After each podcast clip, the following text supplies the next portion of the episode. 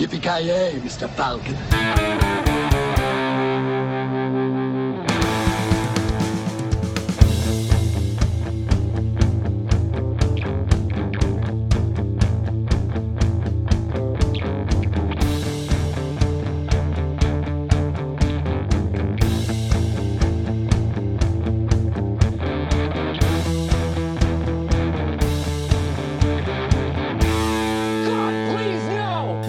Jajamensan gott folk, hjärtligt välkommen till ännu ett avsnitt av Creative Meltdown Podcast. Ni har med mig Kalle. Uh, Avoya. Och eh, Kent. Jajamensan. Vi kommer då värma upp lite med eh, Hollywood eh, Jeopardy, eller vad var det vi kallade den där leken? Roulette, Eh, tror jag. Ja, precis. Ja, roulette, men Hollywood Jeopardy. Är det bättre eller sämre? Jag vet inte. Det känns som att det är lite, ah, whatever, hur som helst. Sen har vi lite ett ämne gällande fandoms eh, som vi kommer diskutera lite också. Och eh, vi går över från det in till eh, veckouppdateringen och sen ska Mr. Avoya prata om filmen Glass som har kommit ut nyligen. Ja. Men jag tycker vi gör så här, vi börjar med Hollywood Roulette, Kent. Ja, men Hollywood Roulette är ju frågesport med film och roulette-delen är att du får välja, säga en siffra. Ni får inte veta kategorin på förhand utan välja en kategori genom att säga en siffra. Och den här gången är det mellan 1 och 6. Eh, och vi, jag tycker vi kör som förra gången att om, om den personen inte, man svarar på fyra frågor och om den personen inte kan svaret så går den över till nästa tävlande och så är det någon som vinner helt enkelt. Jag har hört att priset är Gene Simmons använda strumpor. Det är faktiskt en kiss, ett kissvåffeljärn. Det är så att ett ansikte av Gene Simmons mina Ja. våfflor. Fan, shut up and take my money alltså. oh, nice. Eh, ja, vad säger ni? Mellan 1 och 6. Kalle kommer Ja. få börja då. Ja, jag tänkte säga detsamma i och med att du förlorade senast. Ja just det, du, du vann det där på, du vann det där på vad heter Lejonkungen när vi skulle skrika ut årtalet. uh, utslagsmål. Ja, ja, okej jag kan börja. Ja, men vi tar nummer sex då. Eh, jag, jag kan ta nummer tre där i så fall då. Då kör vi. Baby needs a new pair of shoes. Eh, Mr. Avoya har ju dragit kategorin Arnold Says. Volym 1. Ja fan, det är Arnold Schwarzenegger quotes nu eller? Jajamän, kommer dra en one-liner. Åh oh, fy fan. Och eh, jag vill att du eh, berättar vilken film den här one-linern kommer från. Helvete, det hade varit mer passat för dig tror jag, om du, på om du bytte roller. Ja. ja, kör. Första quoten. Your luggage. Och jag ska säga En av de bättre måste jag säga. jag ska säga vilken film den kommer från. Jag, jag inte fan vet jag, Predator. Nej men för helvete. Kalle. Ehm, alltså, jag har ju hört den där innan, men fan om jag inte har tappat bort själva namn, eh, namnet på filmen. Fy fan för er. Det är ju givetvis Eraser, den oförglömliga filmen. Embracer. precis. jag tror fan, jag tror fan, jag, jag, jag har inte sett den alls tror jag. Eh, Det är ju när, för övrigt när, när han dödar en krokodil. Ja, precis. Your luggage. Ja, det Eh. är, jag måste ändå säga att det, det är nog fan en av hans sämre. Han har så jävla mycket bättre faktiskt. Nej, det är en av de bättre tycker jag. Jo, men... Just i ögonblicket när han säger det. Ah, Jo, jo, whatever, men- vi, vi går vidare. eh, I need a vacation. Vad fan heter den där... äh, vad fan heter den där filmen att Tom, när han ska vet, hämta ett julklapp till sin unge? Kan det vara den? Jingle all, jingle, all, jingle all the way eller vad den heter. Ja, det är fel, så in i helvete. Ja, fan. Ja. Ja, vad tror Kalle? Eh, jag står upp, eh, väger lite mellan Last Action Hero eller eh, Kindergarten Cop. Men jag, vi säger Last Action Hero då. Det är ju givetvis Terminator 2. Fan. fan, det var fan, det var alldeles för länge jag såg den filmen. Men den- här, om du inte tar den här, då blir jag fan besviken. Eyes to see you. ja, Batman och Robin. Jajamän. Nej, rovdjuret är det för helvete. ja, chill. Ja, det är Ja, he- hela den filmen är quotable alltså. är en magisk film. Okej, den, den sista här då. You should clone yourself while you're still alive. So you can go fuck yourself. Ehm, Total Recall. Nej. Ja, det har varit inte många rätt där då. Kalle? Eh, the End of Days. Nej, det är The Sixth Day. Sjätte dagen. Fan! Fan! Nej, det Fan. vara ett rätt. Ka- Kalle behöver bara klämma två stycken för att ta hem spelet.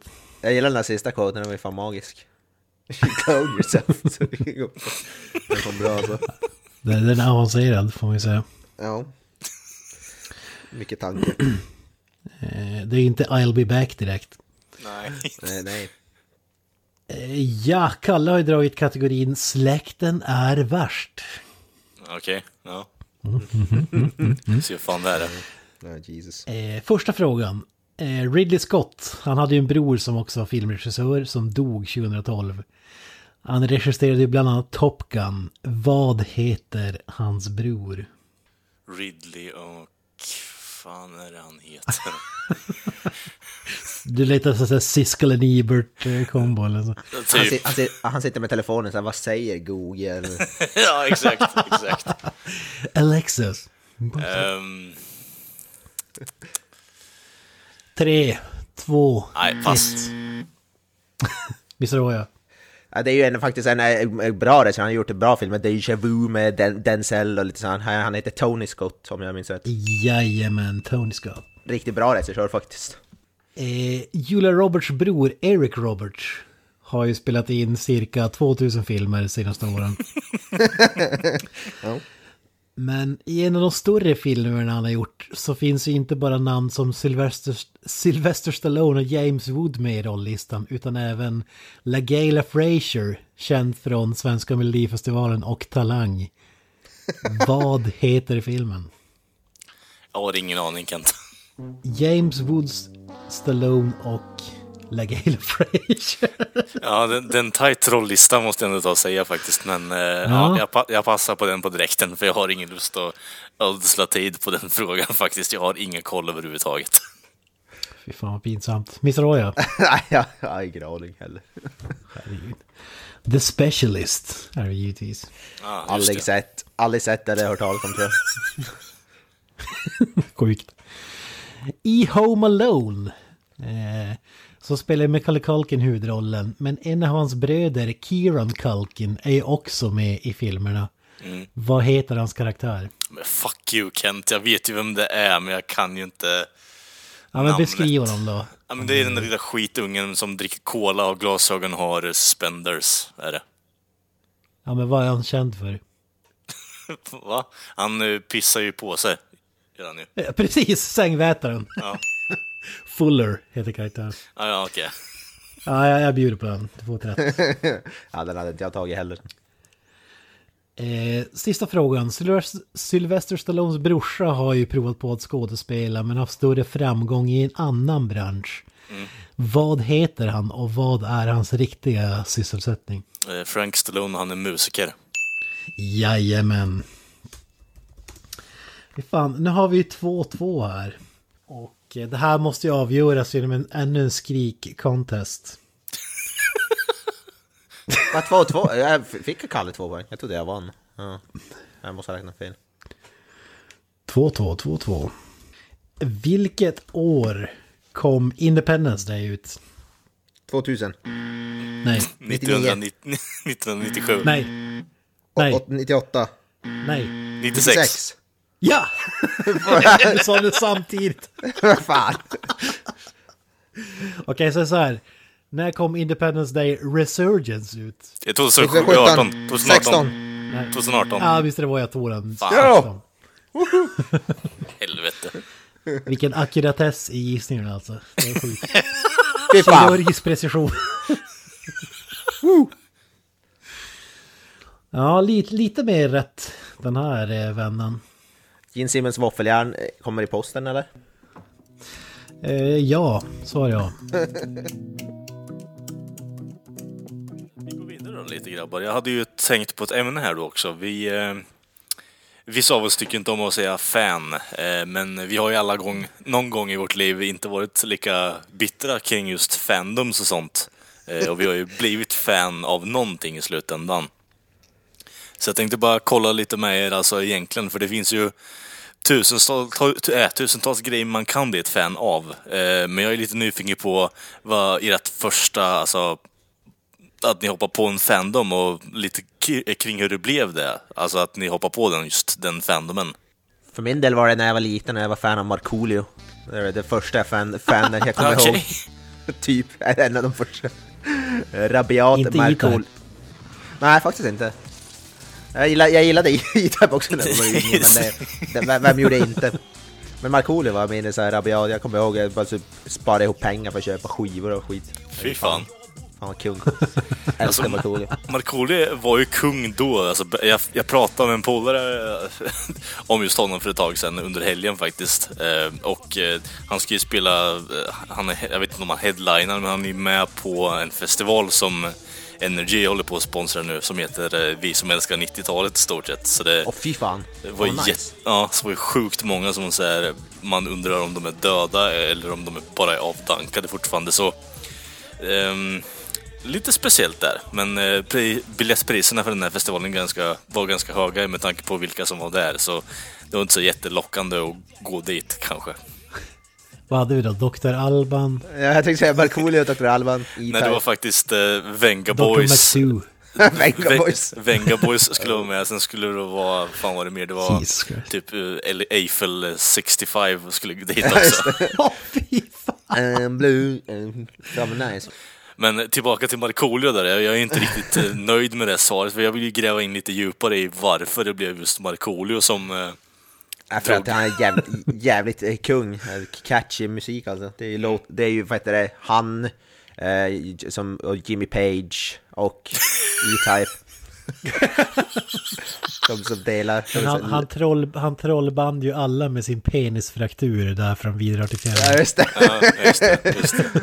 Ja, just det. det är, det är ja, första mannen någonsin som, kan få, som har fått en sån. Ja, Just den repliken fick ju ett jäkla genomslag känns det Ja. och Millennium 2 och... Sen har vi alla hans, han är så vad heter det, aktiv i typ, det, han är med Hem till Midgård. Mm, mm. Inte att förglömma. Magisk serie. Eh, Dr Mugg. Ja, gud ja. Alltså, grejen med eh, Markoolio överlag tycker jag ändå att han har ju på något sätt tagit en ganska corny eh, ställning i rapbranschen överlag och ändå fått en helt hyfsad karriär. Sitter i radio nu och håller på att snacka massa skit liksom. Så det, ja, jag vet inte riktigt. Jag var ju, som du också och många andra ungdomar, när det väl begav sig att han var fortfarande aktuell som rapartist, så var det ändå det, det var lite småkul, eh, underhållande texter liksom. Och eh, jag vet inte riktigt. Det, det är ingenting man sitter och lyssnar på nu direkt, men just då var det ju ganska... Det ju, fanns ju inget annat liknande i Sverige i alla fall. Men Markoolio började väl som gangsterrappare men insåg att ja, fan, om man ska tjäna pengar så blir det ju eh, Millennium 2 vidare till fjällen också. Ja, eh, eh, vet du vad? Jag får, jag får faktiskt eh, göra en backtrack på det här efter att jag, när jag sitter och redigerar och gå in och se om han har en massa hardcore gangster rap i sig liksom. Alltså, fan vad det är kul, cool, cool, så bara cool, jag rappa om droger och mord och okay. Fan vad nice det hade varit alltså. Our survey says. Hade det blivit bättre eller sämre med din fandom där då Jocke, om han hade, faktiskt hade gjort det?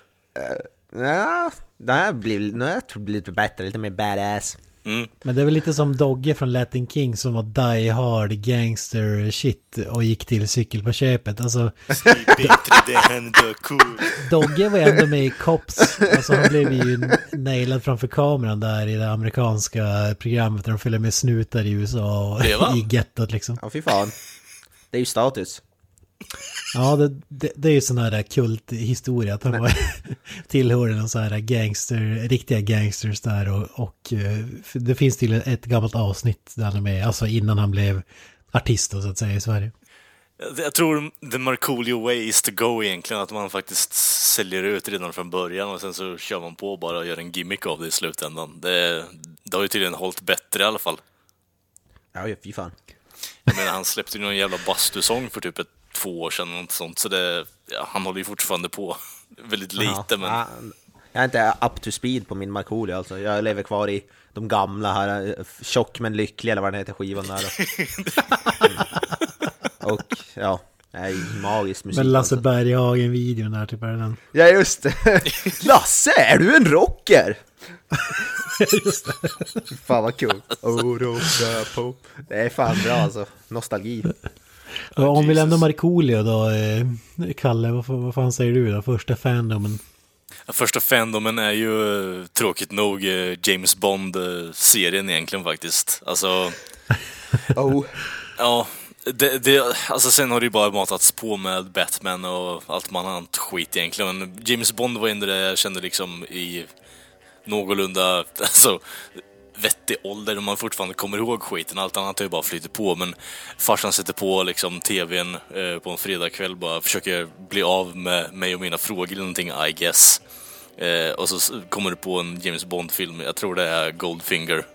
Eh, och det är så mycket kaxigt, eh, fin, alltså underhållande action, liksom en, eh, vad är det, en eh, vietnames som eh, slår, alltså knyter upp golfbollar tills den inte existerar längre och kastar hattar och skär halsen av folk liksom. Det, det är oslagbart liksom. Det är på något sätt så jävla mycket slock i en och samma film så det min lilla hjärna fick overload och jag har älskat det ända sen, eh, sen dess liksom. Så det, det är svårt att beskriva det liksom. Det, det känns verkligen som så här barnfilmer egentligen. Alltså jag tyckte också om James Bond när jag var liksom barn. Eh, upp till kanske 10 barre, men sen dog det av för att det var liksom så corny. Alltså man tyckte att Adam West Batman var häftigare än, än James Bond liksom. Så, Jo, nej, jag det, fattar det är ju. verkligen någon så här uh, Saturday morning cartoon över James Bond, i alla fall de tidigare filmerna. Ja, alltså sen så... Det, det dryper ju av så här sexuell laddning också, så det är inte riktigt så här helt hundra en barnupplevelse om man tänker efter, men annars så... Jag vet inte riktigt. Det, det, är ju på något sätt jag, jag började ju kolla på det där i, i samma veva som de gjorde reruns på James Bond Junior, om ni kommer ihåg den jävla tecknade skitserien. Absolut, absolut. Johnny Quest, eh, James Bond Jr. och Ja, precis. Det var ju såhär bara, det var ju såhär perfekt bara, oh shit, finns den också? Och då kollar vi på den och, och blir så utterly fucking disappointed liksom. Men man var ju tvungen att ha den här exploderande klockan och skit som kom med merchandise på den fronten också, så det... Det var, ju, det var ju på något sätt därigenom man blev mer och mer bekantad med eh, merchandise. Det var ju där Turtles och eh, Batman som sagt för min del som merchandise kom in jävligt hårt i alla fall. Jag vill ju ändå påpeka att det är därigenom jag har fått det här med eh, Ja men som du säger Kent, att det är jävligt corny men det, det, det är lite vad det är. Om man får ta det för vad det är också. Det är lite... Alltså det är just det intresset i det väldigt ostiga grejer har kommit in. Men eh, ja, jag vet inte riktigt. Jag, jag gillar det spåret vi ändå är på väg in. Jag kommer ju fortsätta tills de slutar göra filmer om det helt enkelt. Så det, det kommer ju ta ett tag, misstänker jag. Vad, kommer du ihåg vad det var som fastnade? För då, då kan du inte vara så medveten som det är idag, liksom. jag men corny ass shit. Utan, Nej, nej, men alltså det, just då var det ju... Eh, Oddjob var ju en eh, favorit för min del. Alltså när, när han knäcker golfbollen där. Det, det är fan liksom så här, va, ja men den här lilla knatten, vad fan ska han göra liksom? Och sen så kommer han där och tar golfbollen. Eh, jag tror jag hade... Jag, jag tror inte det var precis när jag hade börjat spela golf, men eh, någonstans där innan att man ändå hade konceptet att, men shit, en golfboll är ändå hård. Och sen bara knyter han ihop den med fingrarna och bara smular sönder den i stort sett. Så det... Ja, jag vet inte riktigt. Det är så här lite intressant med suspension disbelief där kommer in och det, är på något sätt där jag fastnar helt och hållet i stort sett. fy fan. Ja men du då Kent, bara för att gå in på lite vad, är det, är det Maiden eller? Ja. Eller Kiss. Nej, alltså jag, funderar när du tog upp det här, vad som var det första. Det är svårt att pinpointa vad, vad som var eh, det första. Alltså, om man ska säga musikmässigt så tror jag faktiskt att det antingen var eh, Magnus Uggla eller Queen. Ja, Så om man, om man säger första så, så där man liksom aktivt började köpa skivor eller typ så här... Då, då, var det någon av de två skulle jag vilja säga. Hade inte upptäckt Maiden då. Maiden var ju lite, lite senare. Det, det var ju lite för häftigt när man var liksom sex barre. Eh, Men eh, om eh, filmmässigt så... Jag har ju sagt det tidigare, första actionfilmen jag såg, eller de två första som jag minns att jag såg, det var ju American Ninja med Michael Dudikoff och det var Big Trouble Little China med Kurt Russell, John Carpenter-filmen.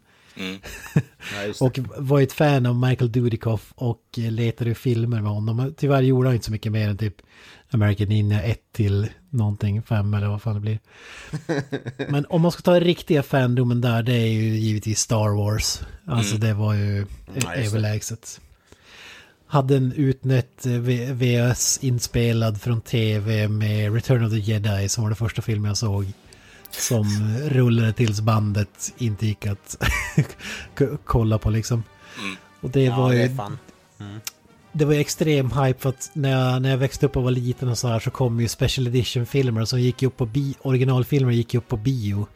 Med de här uh, George Lucas var det, det visste man ju inte då att George Lucas hade liksom förstört filmen genom att pilla in och skulle slänga in en massa, massa grejer men man tänkte mer bara fan vad coolt nya figurer och sånt där. Och när, när, jag- när jag flyttade, jag, jag var ju besatt av, av Star Wars och när jag, och under den här tiden då, då jag hittade, för inte så länge sedan rensade jag ut förrådet så här och kollade så här gamla pärmar och grejer. Då hade liksom tidningsurklipp från när Special Edition-filmerna kom så här stod det typ i Aftonbladet så här. En bild på nya Jabba the Hutt som skulle gå liksom hur coolt det var. Det var ju Jesus riktigt Christ. nördigt på den fronten. Ja, Du var ju in deep liksom, helvete. Ja. Ja, from the, from the beginning alltså. Alltså jag var, jag var ju också, jag var alla fall. jag var ju också mycket Star Wars, men jag växte ju upp med när Star Wars Episod 1 och sånt kom ut och då älskade jag ju Star Wars Episod 1 när jag var liten, jag tyckte det var svincool. Och nu skäms man ju om man ser de filmerna. Mm. men, men jag älskar, jag såg ju dem först, Star Wars Episod, de där typ, alltså de, jag såg ju de gamla filmerna senare. Alltså vad fan har jag missat liksom? Ja. Ja, ja, det, var, det, det är det som är fascinerande med Star Wars också. Dels så finns det jäkla mycket grejer att köpa och leksaker och hela den här biten. Precis som Kiss. Ja, Så, så var det som ett fenomen. Men det är också som du säger, alltså det är flera generationer. Alltså det har ju de som såg original, originalfilmerna. Och så har du sådana som jag som såg special edition-filmerna på bio. Och så har du sådana som dig som såg eh, de usla prequel-filmerna. Och så sen har du de nu då som ser J.J. Abrams eh, Disney-filmer liksom. Ja, de, de har fan mer tur, de, de som växer upp idag ser dem, de har mer tur än vi som växer upp med prequel-filmer alltså. Ja, det kan Ja, man lugnt konstatera, även om det är så carbon copy av eh, originalen i slutändan. Men betydligt bättre gjort än eh, prequel-filmerna. ja. Och, och sen när det var, var där fandom, alltså för mig var det kanske sp- sportlag och sånt där tidigare, men det är inte så intressant i det här sammanhanget. Men om man ska säga film så överlägset Star Wars var det första så här stora. Eh, och musiken skulle nog jag säga Queen faktiskt. Men när vi ändå är inne på allt det här positiva och lagt det bakom oss nu egentligen, vill jag gå in på eh, nutida tankegångar egentligen, för vi, vi är ju cyniska till och från av oss i alla fall. Eh, Eh, ja. ja, ingen protest där överhuvudtaget, men Nej. Hur som helst, eh, alltså det jag tänker egentligen är ju att en fandom kan ju ändå på något sätt vara en positiv grej eh, i och med att det är något underhållande och intressant som upplyses. Men alltså, vad är det som kan döda en fandom enligt er grabbar egentligen? Vad, vad är det som tar, riktigt tar död på den och sätter en sur smak i munnen på er? När man blir så här rabiat som typ Justin Bieber-fans och ska skrika om man typ man typ skär sig i handlederna för att få uppmärksamhet från sådana där, såna där, när det blir sådär överdrivet och man står och skriker och alltså sådana där, sån rabiat fandom tycker jag är jävligt överdrivet och jag blir jävligt irriterad på det sånt. men jag tror Kalle, Kalle var inte frågan alltså... Om jag förstod det rätt så, som med mig med Star Wars, det var ju pre- prequel-filmerna dödade min fandom många år. Jaha, ja, ja just det, ja. För Star Wars i alla fall. Ja. Ja, men... Alltså när, när Alltså, det kommer något, ja, typ om vi som säger så här. artist helt säljer ut, eh, eller alltså byter riktning och blir så här super corny, som du har älskat, eller eh, ja, filmer blir så här, eh, alltså ja. det, det är så uttjatade med prequel-filmerna men det, det var ju verkligen något som dödade för då blev ju Star Wars töntigt. Innan var det så här kult eller coolt. Ja, ja, precis. Alla gillade det men då kom de här filmerna och folk liksom som alla hade sett Star Wars tänkte bara så, ja okej, det är det här ni sitter och kollar på era jävla losers alltså. det, var- det, det är ju mycket. Och Mm. det kommer väl en våg till här med de som hatar eh, Dis- Disney-filmerna. det, det har inte dödat för mig för, för att eh, det, det dog så mycket vid prequel-filmerna som aldrig kommit tillbaka till den riktiga toppen igen. Så för mig, för mig är inte Disney-filmerna, hur usla de skulle vara, skulle det ändå inte påverka fandomen så. Men jag kommer alltid tycka om originalfilmerna så att säga. Ja, det är, Star Wars är väl det mest klockrena exemplet i så fall, som jag, som jag kan komma på. Jag, måste, säga, jag, jag, är, jag är inte den som, eh, jag menar inte exakt just det, utan eh, alltså, Jockes tolkning är ändå vettig egentligen. Alltså, om det är så att det är rabiata fans som dödar det för dig egentligen, då kan jag helt och hållet förstå det, för jag är på ungefär samma nivå egentligen när det kommer till att folk tar saken de tycker om lite på för stort allvar, om du förstår vad jag tänker. Jag förstår exakt vad du Ja. menar. Oh, ja. det, men det kan jag också förstå när man är på typ en konsert, om det är Mm. allt för folk som är lite för så här galna. Och sånt där, ju, eller på bio om det är folk som är fan och så är för högljudda och sånt, det kan ju också förstöra på så sätt liksom. Jo, jo. Fast jag tänker, det där, är ju, det där är ju mer inget som, om vi säger artisten eller film eller sådär kan påverka. Alltså det är ju bara Nej, folk som är nej, det- idioter. Alltså, Jo, nej, men det det är det, det som är finns ju allting egentligen. Jo, jo, alltså, Ja. det, finns, det är därför jag menar på något sätt att det finns två olika delar av just fandomen. Just att det är fandomen i sig med eh, alltså, IPn egentligen, att det som faktiskt folk flockas runt och sen folket runt omkring. Och det är ändå på något sätt där det kan surna till extra ordentligt, för min del i alla fall, precis som med Jocke, att folk tar det här som egentligen är bara till för lite mer underhållande syfte på ett stort, för stort allvar egentligen i slutändan. Ja, alltså jag som kommer som är helt sportintresserad tycker att man kan, man kan inte ta någonting på för stort allvar. Alltså det är ju snarare tvärtom, det är bara patetiskt om ni inte gör det. Då är det liksom Jo, men idé. alltså, det är- det- det är en annan inte aspekt. riktigt med. Men det Ja. kanske är en annan sak med en film eller band eller vad man säger. Men Jo, exakt. Det är lite det jag vill få fram också, att du kommer ju från det här från, från ett annat, pers- eh, annat perspektiv än vad jag och Jocke tänker på just för tillfället. Det är Vad klart fan, att... jag, jag har ju mer respekt för de här eh, småtjejerna som står framme vid Justin Bieber och skriker som galna och grinar. Än vad jag har för någon som säger, som har hört liksom en halv Kiss-låt på radion och säger att man är Kiss-fan. Alltså, Ja, okej. Ja, alltså, är det. jo, jo, men nu, nu kommer vi verkligen in liksom grå, grå materien här. Vad, vad fan, vad, vad gör ett fan liksom i slutändan? Ja, sånt tycker jag är irriterande när man, är typ, ja, man har hört den senaste skivan från ett band och är superfan. Eller om man, eller om man säger att man gillar de- alltså, Star Wars prequel-filmerna och säger att man är Star Wars-fan, då är man fan inget Star Wars-fan tycker jag. Nej, precis. Jag, jag blir provocerad för jag har alltså, haft diskussioner med folk så här på nätet och skrivit så här, om de som säger att de gillar Star Wars och så säger man nej de är skit och de blir som de sura typ och sådana. men som, Jag som jag pro- kommer och säger att jag är Metallica-fan och Saint Anger är bästa plattan. Ja, ja exakt. Eller att Alltså, du men det- är som alla andra numera, att de har på sig så här Nirvana-tröjor och sen har inte lyssnat på en jävla låtjävel liksom. Ja. Jag har bara hört Smells Like Teen Spirit.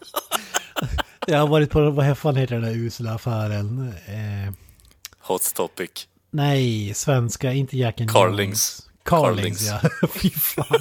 Alltså typ så här, som du säger, typ ACDC-tröja. Som, man har ingen aning vad det är, det ser bara coolt ut och så. Ja, Ja, eh, coincidentally sitter jag i en AC/DC-tröja med hål under armarna, så det, ja, jag vet inte riktigt eh, säga om jag är ett fan eller inte, men eh, bra musik i alla fall. Kan ett par låtar också. Alltså det, det är fan provocerande när folk säger att de gillar de, alltså Star Wars prequel-filmerna, då blir jag arg på riktigt.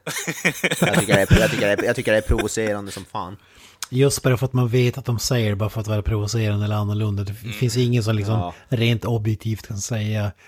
Alltså det, det är alltid tycke och smak, alla, alla tycker olika och, och, så, och sådär. Men just de filmerna, alltså det, det går inte att säga med straight face att de är bra. Eller ett mindhorn typ. Också. Har eh, bästa exemplet. Ja, men alltså, jag, jag, vill gå tillbaka lite där till, till det du sa innan Kent, att du har större respekt för folk som, eh, alltså små tjejerna som står och griner, griner på en Justin Bieber-konsert än folk som faktiskt tar på sig en sån här och säger, som du säger, har lyssnat på typ en halv låt och sen säger att man är ett fan. Det, ja, jag kan, jag, kan, jag kan stå bakom det påståendet faktiskt, för de är ju ändå fan, även om man själv som utomstående till den fandomen inte förstår what's the thing about, alltså vad det handlar om i slutändan och varför man håller på sådär. Ja. Ja. Ja, det är ju så jag tänker i alla fall. Jo, jo, men jag är helt med på det tänket faktiskt, för det, även om man själv inte fattar det så, de är ju fan, det, det kan man ju inte säga. Sen så, jag vet inte riktigt, det, det är svårt för mig att kunna relatera till små tjejer som står och skriker mot en eh, prepubescent boy liksom som sjunger eh, högt. Det, det kommer det- snubbe som påstår att han just har upptäckt Nickelback liksom. eh. Ja.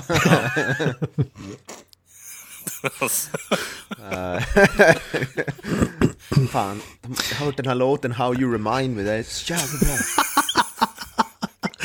70-talslåt. Ja, det är typ, vad fan är det? 17 år senare liksom, eller vad fan är det? Ja. Jesus. Ja fy fan, vi borde ha ett Nickelback-avsnitt alltså, det är eh, tribute. Jag menar, vi kan ju typ bara i stort sett se på Spider-Man 1 liksom, så har vi det.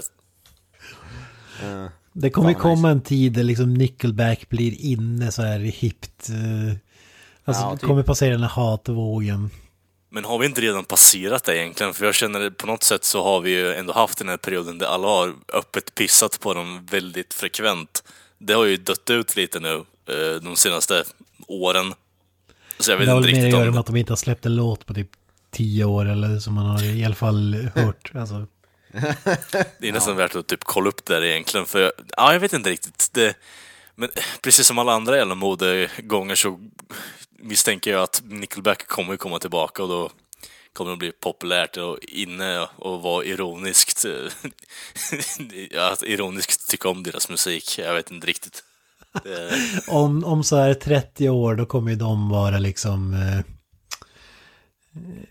eh, vad fan heter han? Along the Watchtower och, och hela den där biten. ja, du menar typ eh, eh, Bob Dylan eller Hendrix? Bob Dylan, ja Bob Dylan. Ni- Nickelback kommer ju vara Bob Dylan. Klass om 30 år. Kommer kommer folk liksom Ja, för fan. Kan du leta efter tänka dig? Nickelbacks LPs och grejer. Ja, kan du, kan, kan du tänka dig liksom så här 40 år i framtiden, det är någon så här beatnik som sitter på ett rökigt, litet dåligt tänt café som sitter och bara Ja, Nickelbacks senaste hade inte riktigt den umfen som, eh, det, vad fan heter den? I wanna be a rockstar hade liksom. Det, de, Så jävla bra låt alltså. de, de tappar glansen lite. Spiderman-filmen, så jävla bra soundtrack.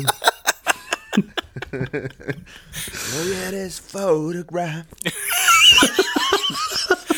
Ja, den, den, den Alltså jag, Ja, man kan, man kan pissa på mycket av den, men den memen är fan, den är fan on point fortfarande faktiskt. Den är, ja, good, good shit. det är fan bra.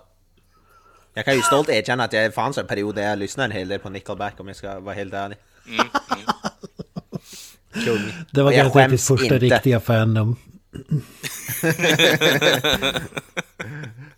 Jag var faktiskt, det var faktiskt inte, alltså det var inte så att jag var lit, jätteliten då, eller det var ju typ, alltså man var i mid-teens eller något, jag vet inte. Ja, men det, Nickelback känns ju ändå på något sätt som att det är så här angsty ass teenager music i slutändan om du förstår vad jag menar. Ja. Ja, ja. Så Men det är så här frat boy douchebag musik liksom. jag tycker det är lite Som, intressant precis som att... Chad Kroger själv. Alltså. Jo, jo. Fast å andra sidan så kan jag tycka att det är lite så här kontraproduktivt att man kommer från Kanada och sjunger sån typ av musik. Liksom. Det, det, blir, det, det rimmar lite illa faktiskt. Ja. ja, jag ska väl lämna Chad Kroger och gå vidare kanske. Eh, det tycker jag. Ja, Mr. Avoya, vad har du kollat på eh, sen sist? Eh, ja, det har varit ett tag sedan nu, men jag har inte pratat om det i podden. Jag har... eh, det var någon helg sedan som jag såg eh, den här remaken eller... Re, ja, egentligen är det inte en... Ja, men de kallar väl en remake på Suspiria, Dario Argentos typ 40 år gamla skräckfilm. Magisk film. Ja, det är en jävligt bra film. Det är, en, det är ju en klassiker definitivt. Eh, men det är, man kan inte riktigt säga att det är en remake. Det är som den tar samma story, som gör sin egen grej med det. För den är, den är väldigt, den är ganska olik ändå, skulle jag vilja påstå. Men eh, eh, för de som inte sett Suspiria handlar det om en ja, tjej då, som kommer till ett typ en skola, alltså en dans, balettskola eller en skola för dans typ och ska alltså öva. Och det är väl samma grundstory i den här nya då. Eh, handlar om eh, en tjej som spelad av Dakota Johnson, hon som är känd från typ 50 Shades of Grey bland annat. Eh, hon, hon, är amerikanare men kommer till Tyskland för att börja, börja, börja på ett sånt här dans, dansskola då. Eh, och som eh, en dansskola som leds av Tilda Swintons karaktär. Eh, och ja, hon börjar på och då det börjar hända en massa crazy shit då. För det, det, sen visar det sig då att den här dansskolan eh, drivs av ett gäng häxor. och det är ju storyn i originalet också. Okej. Okay. Och jävligt mycket det händer, alltså det är en jävligt mörk film, den är den är fruktansvärd och det finns en hel del jävligt obehagliga scener. Alltså, speciellt, alltså säkert en, ja, vad kan det vara, en halvtimme in eller något finns det en scen som är jävligt äcklig och obehaglig. Som jag tror att många, om man har svårt för så gore, så att jag tror att den kan vara riktigt svår att ta sig igenom. Till och med jag tyckte den var obehaglig. Jag vill inte spoila någonting men... Okay. Så det, om, man, om, man, om man gillar så gore och sånt så kan man definitivt... Men den här filmen, den är, det är definitivt inte för alla för den är väldigt så här psykedelisk, konstig film. Som har mycket sådana här konstiga bilder och ja, det är som en, alltså en acid trip alltså. Det var ju gamla filmen också. Men den är jävligt märklig på det sättet. Men den är fruktansvärt bra, alltså jag gillar den som fan. Jag gillar ju som sagt originalt också. Och så lite här weird psykedelisk som skräckfilm, det är ju helt min grej. Uh, och jag vet inte, för de som har sett originalet så Suspiria, den har ju väldigt konstig färgpalett, alltså färger, det är varje scen är som dränkt i typ enskilda färger, alltså en färg, en scen kan vara helt rosa typ och, och så vidare. Den, den här nya filmen är inte, har inte riktigt gått samma väg. Den här filmen är lite mer såhär bleak, den, allting är typ grått och tråkigt och sådär. När, ganska, äh, när, när är originalet ifrån? Typ 70, mitten på 70-talet och sådär. Okej, okay, ja, men det, det förklarar ju en hel del i och för sig. Så det... Ja, den, ja men som sagt, den, här, den var ju känd för att den hade ett sånt galet så här färgpalett och så Ja, det väl, det ljussättningen som är känd för. Suspiria Lightning som vi brukar kalla det. Ja, mm. typ. Den hade ju såna primary colors, primära färgval då för varje scen som det kallas. Den här filmen har inte riktigt samma, den har lite mer, lite mer så här gråaktig, bleak look. Så det tycker jag väl är bra, jag vet inte om det hade funkat att kopiera i dagens läge och försöka göra det, det är typ jävligt svårt. Jag tror den här filmen Drive med Ryan Gosling hade något liknande också sådär konstiga färgpaletter typ, om jag kommer ihåg rätt. Men nåväl. Eh, det, och, så, och en annan grej eh, som man kan påpeka är att eh, musiken i den här filmen är gjord av eh, Thom York från eh, Radiohead.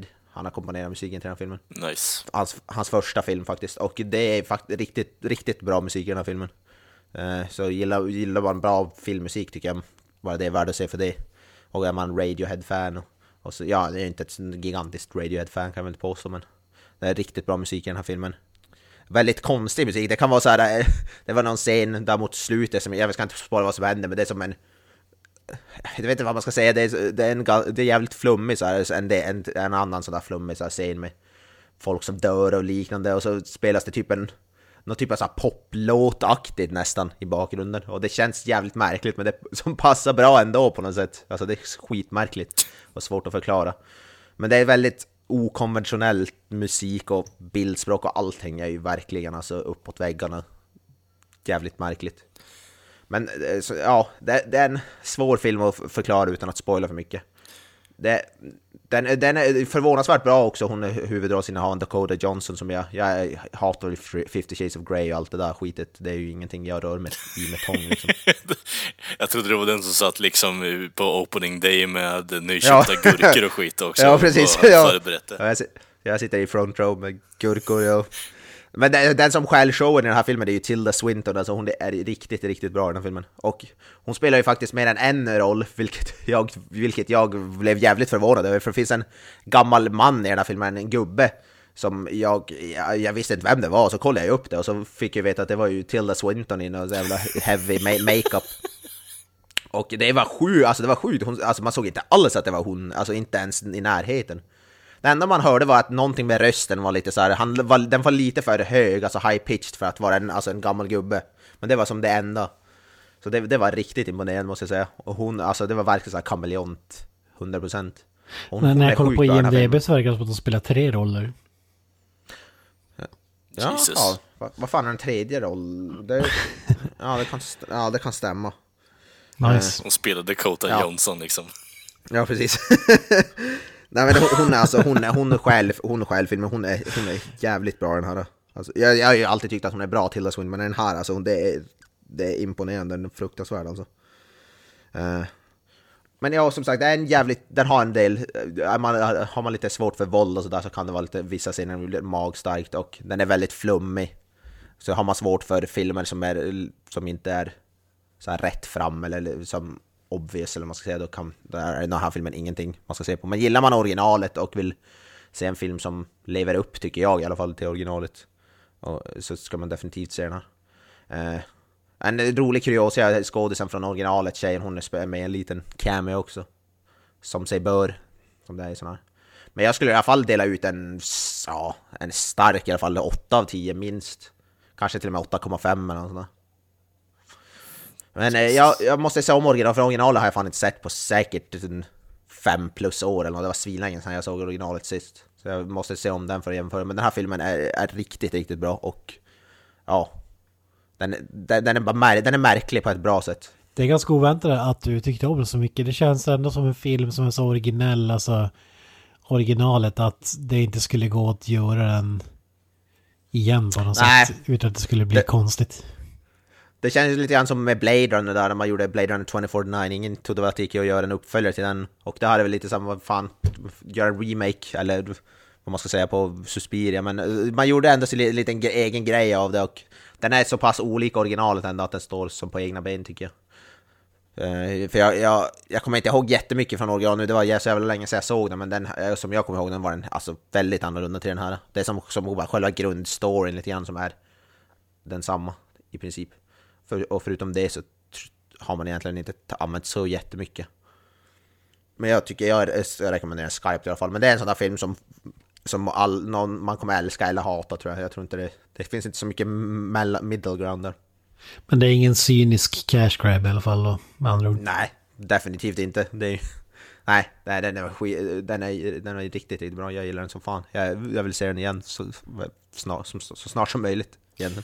Nu är ju inte jag så jätteinsatt i Suspiria, alltså filmen överhuvudtaget, varken eh, rebooten eller eh, originalet som ni pratar om. Men alltså, var den så jävla populär när den kom ut eller har det blivit något så här fenomen på senare år att det är många som flockas till den filmen eller? Det är fan svårt att säga, jag vet faktiskt inte. Jag vet ju att det har blivit en kultfilm på senare tid, men... Det Dario, Dario, 30 Arge- år innan man föddes så det är svårt att säga. Men... ja. Dario Argento är ju lite av en så här underground kultregissör som... Han har inte så stor så här, eh, ekonomisk framgång, men hans gamla filmer räknas ju som... är Räknas ju som kult, kultfilmer. Mm. Han har gjort jävligt... Jävl, jävl, jag kan rekommendera, gillar man... Gillar man alltså... Lite som här flummig, flummig skräck. Han gör ju den här genren giallo som den heter som är... Sån typ av italiensk underground skräckfilm typ. Han jobb- jobbar mycket. Han, hans gamla film i alla fall upp till där 80-tal och sådär. det är ri- Han har gjort många riktigt bra där. Sen gick det lite ut för Nu gör han väl ingen bra film någonsin igen. De- Alla filmer han släpper, släpper, släpper nu alltså totalsågas ju. Men eh, han hans, i hans tidiga karriär har han gjort jävligt mycket bra filmer. Som jag kan definitivt rekommendera. Får ta en titt. Men jävligt bra, jävligt bra i alla fall remake slash reboot eller vad man ska säga. Så jag, kan, jag rekommenderar den i alla fall. Nice. Mr Vem vill vara Nilsson. nästa? Mr Nilsson ja. Eh, Mr Nilsson, ja. ehm, är ni beredda på en shitshow här utan dess like grabbar? Nej, nej. Jag, jag måste gå. Okej, skitsamma då. Eh, Nej. jag har ju då eh, gett mig in i dokumentärfilmens värld den här veckan. Eh, och eh, det är Netflix som har levererat. Eh, och eh, har ni hört talas om en festival vid namn, namn Pyre, grabbar?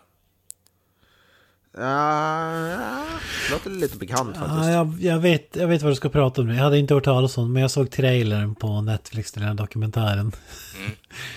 Så jag hade aldrig hört talas om det innan, men eh, det verkar ju vara en eh, stor bluff. Eller? Det är en eh, stor fet bluff, ja. Och eh, det, det man får reda på i den här dokumentären då, den, eh, festivalen heter då Pyre. Eh, innan den blev det känt att det var en stor fet scam så blev den ju annonserad som, ja men, eh, festa på Pablo Escobars ö i stort sett, bo i en villa, eh, ha sex med, med modeller och så vidare. Liksom. Väldigt så här, missvisande reklam i slutändan. Eh, och eh, ja, vad kan man säga? Det, det, är så mycket underhållande behind the scenes-grejer man får reda på här, eh, som han Billy McFarland eh, som har eh, i stort sett kört den här scammen eh, tillsammans med Ja Rule, eh, från, tror det eller ej. Eh, det, som jag, alltså det, det, som har hänt egentligen är att de har ju som sagt då gått emot kontrakt genom att de får inte säga att eh, Pablo Escobars ö, det är bra att de liksom redan första timmen efter att de hade fått godkännande och var på den ön. Så de blev ju utsparkade, så de kunde inte vara på just den ön eh, som de hade annonserat, scam nummer ett liksom. Eh, och eh, man har då blivit tvungen eh, att, ja, relocata till en, vad fan kan man kalla det, en insjö i stort sett, som ser ut som så här, det där du har chemical warfares, alltså och så här, bioplants i stort sett, så att det ser ut som att du håller på att festa vid Tjernobyl i stort sett, fast det är i Bahamas. så det, det är så här, verkligen bottom of the barrel eh, för att ha en festival på kan jag tycka. Eh, sen så har de ju även som sagt lovat eh, villor och skit. Eh, har de ju inte kunnat fixa i ordning överhuvudtaget. Eh, på grund av att eh, det kostar pengar och få in den typen av eh, boende. Så att säga. Så de har ju då tagit istället eh, massa, eh, vad fan heter det? Det är så här Eh, Eh, stormtält från eh, Hurricane Sandy som blev över har de lyckats samla ihop. Eh, och allt det ackumulerar ju till att folk kommer dit, blir nedsupna. För att de ska egentligen bara glömma bort att det här har blivit en shitshow utan släcker och inte lever upp till det de har blivit lovade. Och de får en, en ostmacka som mat och sen blir de hemskickade alla gästerna. Och ja, jag vet inte riktigt. Jag tycker att det är fruktansvärt fascinerande att det har blivit en sån här scam i modern eh, ålder faktiskt. För det är ju så här, när man tänker på skandaler överlag bara, så är det ju, jag tänker direkt på Watergate, eh, och det är så här, det är 40 år sedan ungefär. Och sen så tänker jag även på, ja, vad ska, fan ska man ta mer? Det är ingen sån här som har slagit till riktigt ordentligt, tycker jag eh, i alla fall. Sen kommer ju Wikileaks och lite sånt skit också. Men det är inte på samma nivå som just Watergate i alla fall, att man täppar folk så aktivt förstör för folk i slutändan. Men eh, det är en riktigt underhållande dokumentär faktiskt. Jag kan inte nog rekommendera den. Jag hade ingen koll på den här festivalen heller, som du också Kent innan. Men eh, jag vet inte, jag har, jag har läst så mycket annat utöver den här dokumentären. Jag tycker det är riktigt fascinerande faktiskt. Och eh, den här Billy McFarlane är ju en väldigt speciell typ överlag och eh, har ju då blivit innan det här också haft ett företag som heter Magnesis som eh, är på något sätt en eh, så här, rich kids eh, metallkort eh, som gör att du tillhör en speciell klubb där du får förmånerna, I guess. Men det har ju inte gått igenom heller för det var ju ett scam där med i slutändan. Så han är ju eh, con artist deluxe är han ju. Och ehm, det finns en intressant historia som jag vill ta upp eh, från den dokumentären. Resten får ni liksom kolla på själva. Men eh, ehm, i början på festivalen så får de inte igenom allt vatten i tullen. Eh, på grund av att de har inte betalat sina räkningar överhuvudtaget för platsen de hyr och eh, arbetarna som i stort sett gör upplopp mot slutet också. Men eh, vattnet då för att få så att alla kan överleva på, på den här ön, för de har ju ingen ingen infrastruktur överhuvudtaget. De har ju behövt bygga om från grunden och har inte hunnit i tid. Eh, så vattnet är fast i tullen. Så Billy blir ju då en av sina högra män att eh, åka till tunneln och, eh, eller tullen och göra vad han kan för att få ut det här vattnet så att alla klarar sig och han räddade festivalen. Det han ber honom göra, rakt ut sagt, är ju då att gå dit och suga tullmannens kuk för att få ut vattnet. Ja.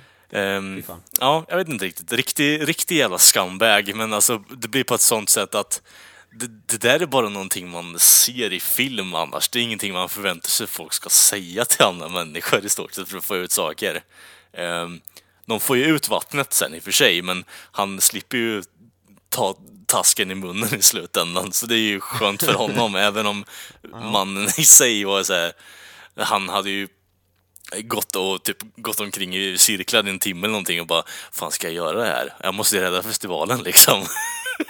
och tagit munskölj och allt möjligt skit säger han. Så det, det är så väldigt, väldigt ingående på vad som har hänt bakom scenerna. Så jag kan inte nog rekommendera den här dokumentären om man vill se en shitshow bara hända framför ögonen på sig. Det, det är väldigt underhållande måste jag faktiskt säga, även om det är hemskt samtidigt också. Ja, när jag såg trailern jag tänkte jag så här, ja det här är en mockumentary. För, för det kändes som en sån här, mm. vad ska man säga, fratboy-komedi eller någonting. Ja. Seth Rogen-komedi ungefär. Men en sak jag undrar, alltså, den här, så, det kallas för dokumentär, men alltså filmade de under tiden som den här festivalen alltså gick åt helvete, den stora bluffen? Eller är det bara att man har intervjuat någon i efterhand, typ ja, vi gjorde det så och så, eller hur? Grejen är, att, liksom? grejen är att den här Billy har ju på något sätt då, alltså storhetsvansinnet lux, så han har ju tillsammans med Ja Rule och dit och filmat fruktansvärt mycket material. Eh, han har ju filmat under Eh, alltså festivalens gång också. Och sen så har de gjort massa extra intervjuer utöver det med folk som har varit involverade i företaget, FIRE um, och så vidare och så vidare. Liksom folk som inte har haft koll på en, en enda liksom, de, de har ju haft programmerare som har suttit och eh, eh fixat i ordning så betalband som är lite populära nu på festivaler, vet du.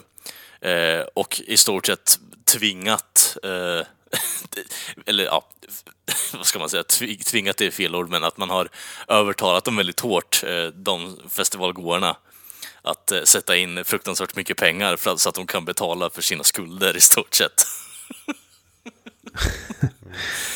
Så eh, riktig, riktig, riktig scam och om jag har fattat dokumentären helt och hållet rätt nu så verkar det som att Billy har eh, tagit den här informationen som, från alla kunder han hade på Fire och eh, sålt den till eh, väldigt många företag som gör eh, mailreklam i slutändan också. Så, eh, ja, lite GDPR och han håller ju på att stäms nu för en hysk, ja, sjuk summa pengar om vi säger så.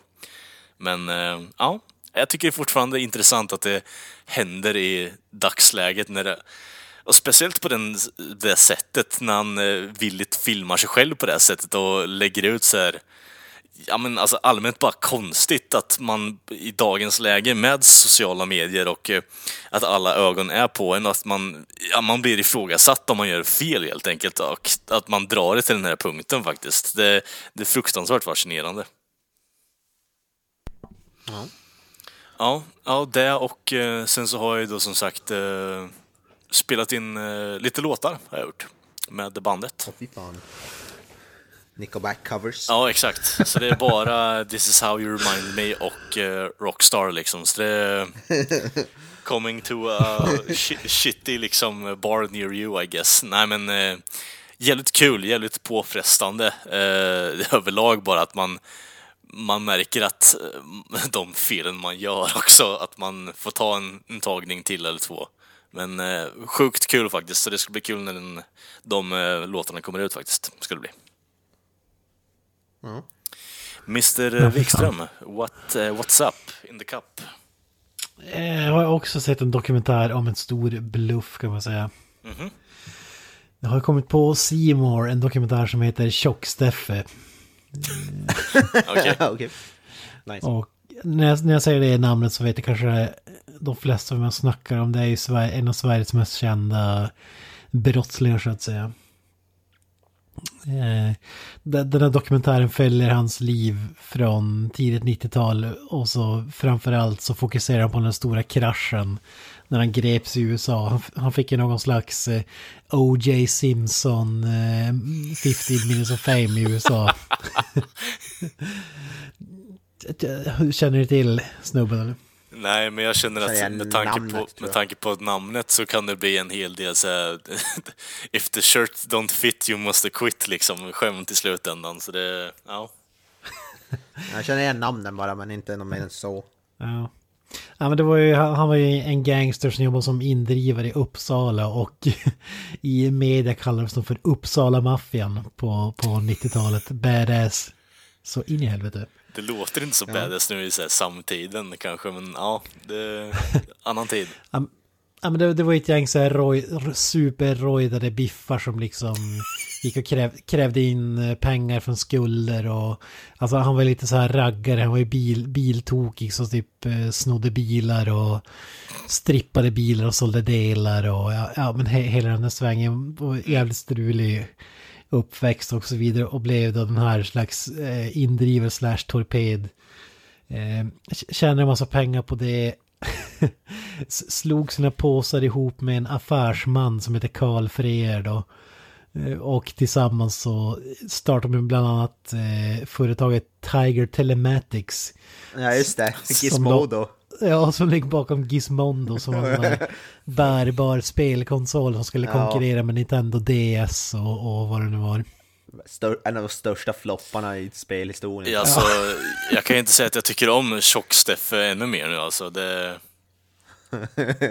Gizmodo, det var fan länge sedan man hörde det namnet alltså. Ja, det är Jesus.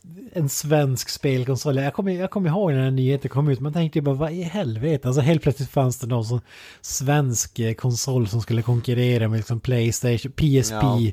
Och så var det ju Nintendo DS tror jag att det var när, när det var nytt. Liksom en bärbar. Som såg för jävlig ut. En supertjock med fula knappar och sådär. Men den skulle...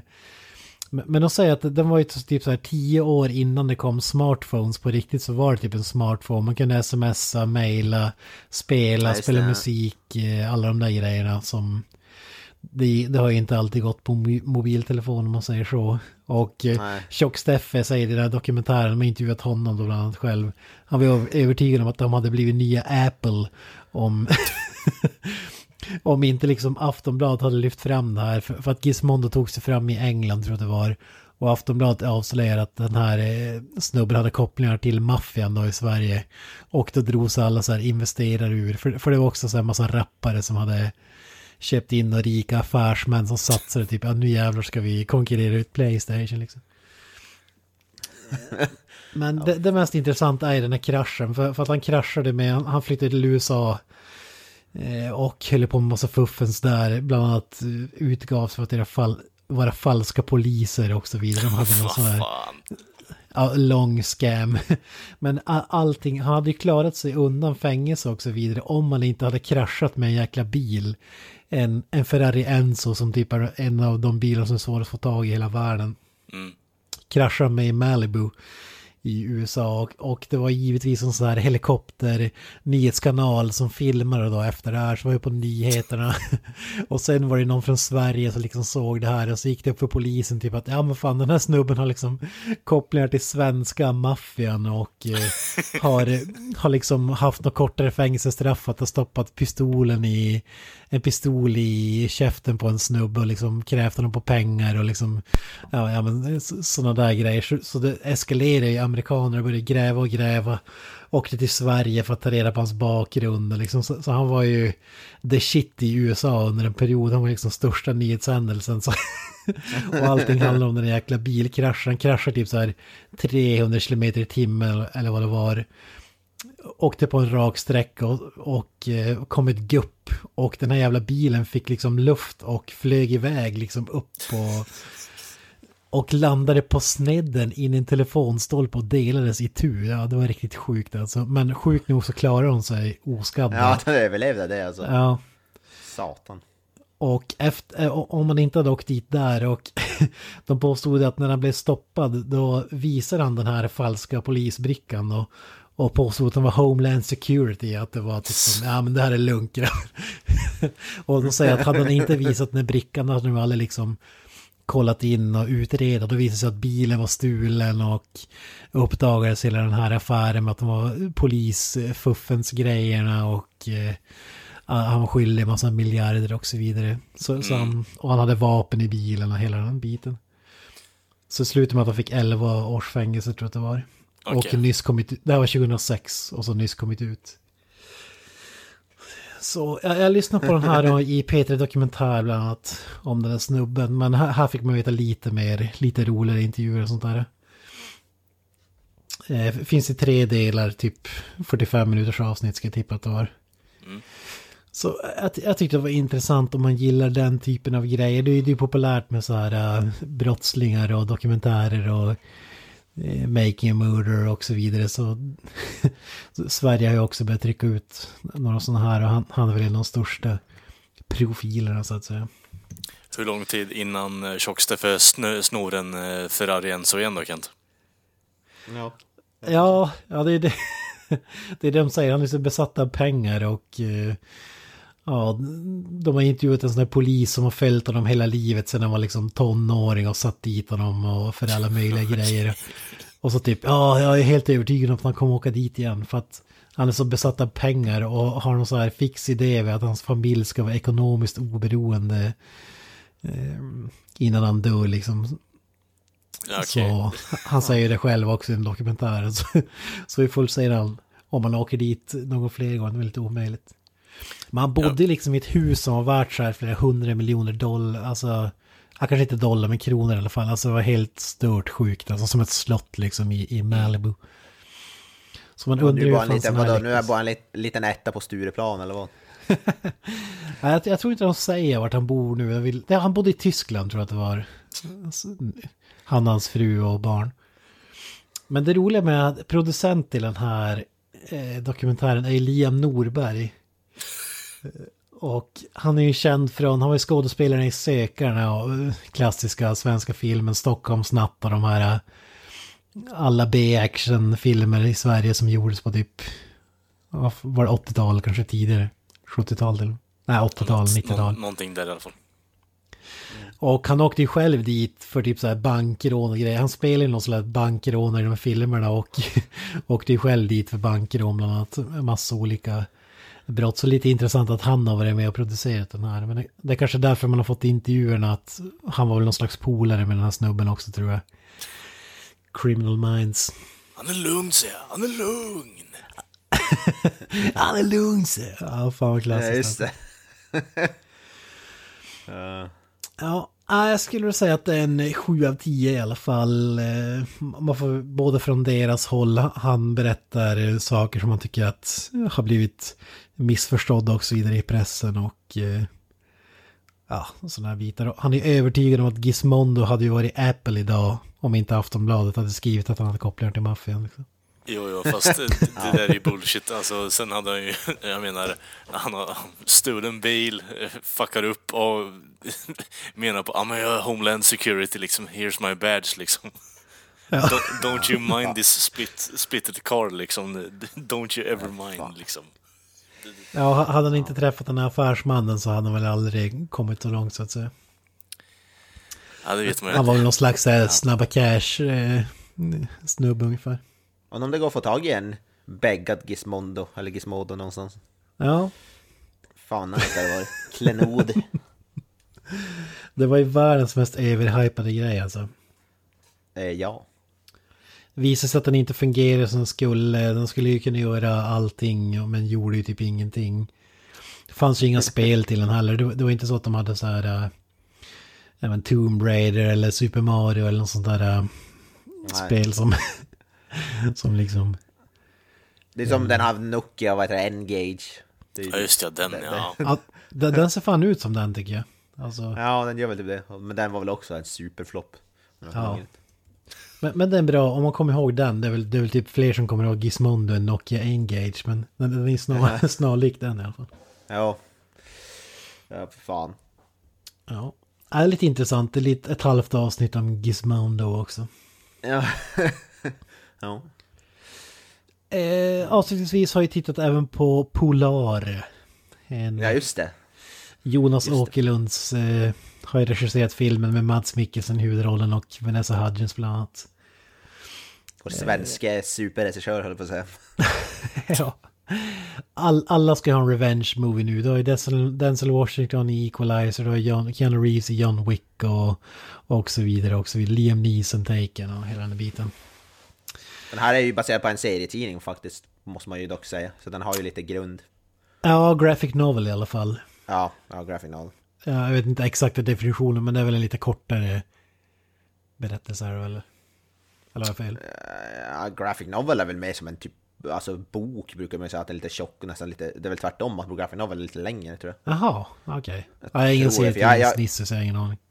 Ja, jag äger så lite graphic novels med Batman och sådana och de är ju riktigt, alltså, de är ju ganska feta ändå. Ah, okej. Dem. Men det, det här var ju en seriefigur som har skapats på 2000-talet. Ganska sent, 2012 eller något sånt där läste jag. Ja, ja jag tror det. Så det är ingen så här klassisk figur direkt. Jag, Nej, nej. jag hade Nej, aldrig det hört talas ju- om det i alla fall. Nej, inte innan, inte innan det här. Det hade inte jag heller. Men det handlar ju då om eh, Mads Mikkelsen spelar en, eh, en av världens bästa assassins, alltså lönnmördare. Jobbar åt en firma som, som har en massa anställda som utför eh, mord och grejer. Och eh, den här firman har som policy att man går, vid, man går i pension när man fyller 50. Och Mads Mikkelsen har 14 dagar till pensionen. Eh, grejen är bara den, i, deras kontrakt är det en klausul att de måste betala, jag tror att han skulle få 8 miljoner dollar när han går i pension av företaget. Och, och företaget tänker då, nej det, det här är för dyrt. Så därför dödar de alla eh, sina gamla lönnmördare innan de fyller 50 och kan casha ut de här pengarna. Fy fan. Eh, Så, så det är det då, när Mats Mikkelsen är på väg att gå i pension så vill hans eh, eget företag eh, ta koll på honom för att slippa betala dem i cashen. Det låter, låter som min arbetsgivare ungefär. Den 24 varje månad, då är de ute efter det. Jag, ty- Ja, då jag tycker ändå om konceptet egentligen faktiskt, så ja. Ja, det låter ju lite småkul. Det, det som är synd med konceptet är att det är ju batshit crazy. Alltså... Jag vet inte, det är ju filmat som en serietidning. Eh, Alltså lite som eh, eh, Suicide Squad skulle jag säga. Okej. Du har liksom så här... eh, Fast ännu värre. Alltså du har... Fi- filmerna som... Det är som två eller tre filmer i en. Alltså det är så här super corny eh, ljus... Eh, alltså figurerna är klädda i så här knallgula dräkter typ som... Eh, alltså det är svårt att förklara men och så har du liksom serietidningsfont när personer presenteras. Och de är liksom bara så här super corny, överdrivna lönnmördare på den här firman. Alla utom Mads Mikkelsen som är hyperseriös. Självklart. Han, han är liksom, alltså, kan han, han är liksom John annat? Wick i jämförelse och de andra är någon slags så här överdriven komedi, Suicide Squad. eh, Tänk den corny, den mest corniga figuren där från Suicide Squad med enhörningen där. Ty- Typ så är alla andra lönnmördare. nice. Och det sjukaste är att deras ledare, den Big Bad Boy, är Matt Lucas från Little Britain. Den här flintskalliga Fatso-mannen. Och om jag säger så här, det fungerar ju inte alls. Okej. Alltså, han är väl typ en brittisk hipp-hipp kan man säga, fast mer lowbrow. Klä, klär ut sig till så här teenage tonårstjejer i England och liksom folk tycker att det är kul ungefär. Det är verkligen bara med the barrel humor. Jag har aldrig orkat se ett helt avsnitt av skiten om jag ska vara ärlig. Och det är det som är så synd för att alltså vissa delar är så urlöjliga med eh, det är ett sånt här A-team som det kallas en hit squad som ska ta koll på honom. De är liksom seriefigurer och Mads Mikkelsen är liksom super badass. Och det hade fungerat mycket bättre om man hade skippat de här uh, serietidningsbitarna och bara eh, kört det liksom hyperallvarlig med Mats Mikkelsen. För, för han är ju faktiskt badass får man säga.